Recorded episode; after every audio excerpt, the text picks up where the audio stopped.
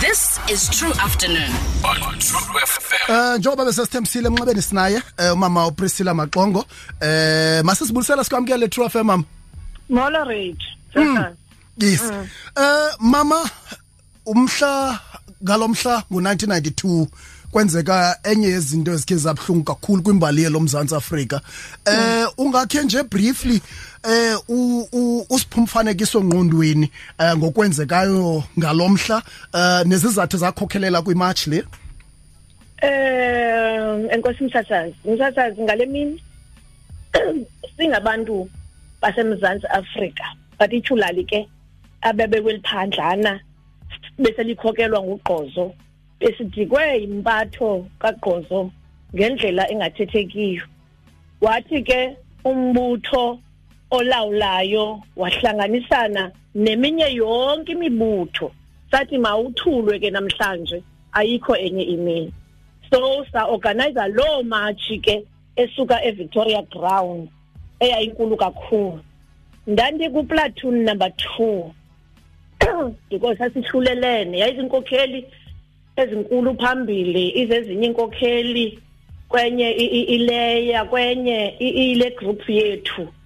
apho ke sathi xa sihambayo msasazi sinegoal enye ethi namhlanje makasuke ugqozo ufakwe omnye umuntu i-administration ezawulawula um uyayazi ke musa singajonganga uba kulawula omnye umntu ngaphandle kwethu ngoba sasicinga uba enyanisweni senza bhetere kunoqoqo mamela ke msasazi sithe xa siphakathi naphakathi msasazi wam eh kodwa sesizawufika sikwela thafa lizawufika estadium hayi sive ngembumbulu zisitsho phezulu loo nto yasibangela uba kwathi waqa kwelaa thafa abantu bethatha ixhaka eh singakavela thina kodwa ihelicopter okanye whatever nto yayihamba esithubeni iyiyo ethululayo imbumbulu uba umuntu osindileyo wasinda njani wasinda ngezikankosi kodwa ithe ke once yehle ndabizwa kwiradio yam because sasisebenzisa i-two way radios ngoko zonke ii-organizers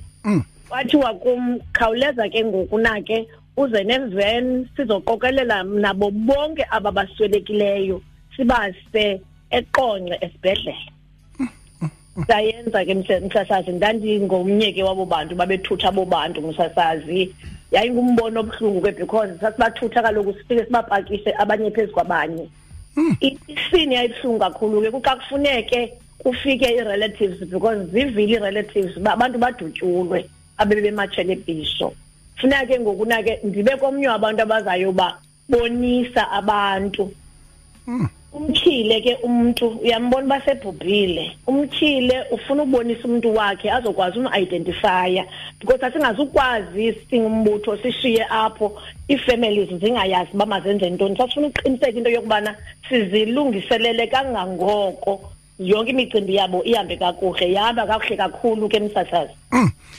ndivila ndivila namhlanje kuthethwa na nabanye abantu ababhujelwa ngabantu ngolusuku namhlanje kuba benilapha eBisho Stadium ndava nabanye bethetha besithi abaxolanga indlela um urhulumente enza ngayo uh, so much that uh, ezinye izinto iba yi-short notice kuthiwe khawulezani nize kuzawudityanwa ngoku um xa ujongile ifuthe um kwaba bantu babhujelwa ngabantu babo okanye baswelekelwa ngabantu babo ngawo lo mhla ngo-1992 ingaba baxolelwa okanye abaxolanga yindlela mhlawumbi urhulumente enza ngayo you know uh, uzama uphawula olu suku ndiyaqala ke msasazi andifuni ukuxoka hence bendisithi ndiqala nokuba ndibe khona kulaa commemoration mna bendiqala noba ndirelate eza story zisitori endisoyika kakhulu esiyana ebomini bam mm. kodwa ke ndibavile but ndifuna ukuthi ngexesha benzekelwe ngalo izinto we constantly visited zonke izindlu ngokuthunywa ngumbutho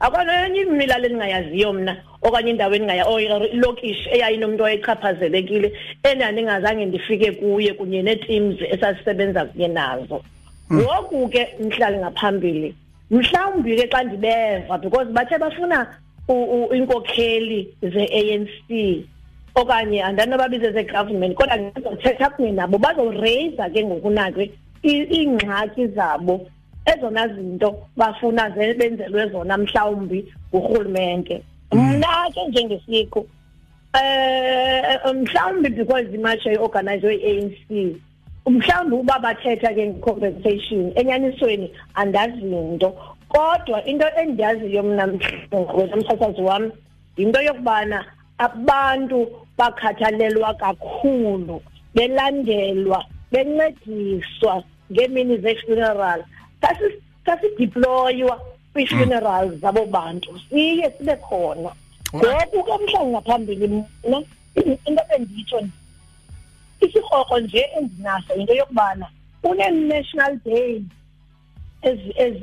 ezicommemoratwayo ezinye zide zibe zii-holiday kodwa yona kuthe cwaka ngebhisho masana mm. mna nanto nje into endinokuthi enye yezinto mhlawumbi anosondela kuyo mm. urhulumente we-anc kwaba bantu yinto yokubana olu suku lubalulwe njengamanye amasuku because baninzi mm. aba bantu mhlawumbi ngaphambili bafeleka phayana yes mm. Alright, nkosikhakhulu mama. Phambi koba sihambe nje eh, eh, emzuzwini oyi-1 singabantu abatsha, yintoni emasiyithathe mhlambi esinoyifunda kuyo yonke lento phambi koba uvale nje eh this this afternoon ma?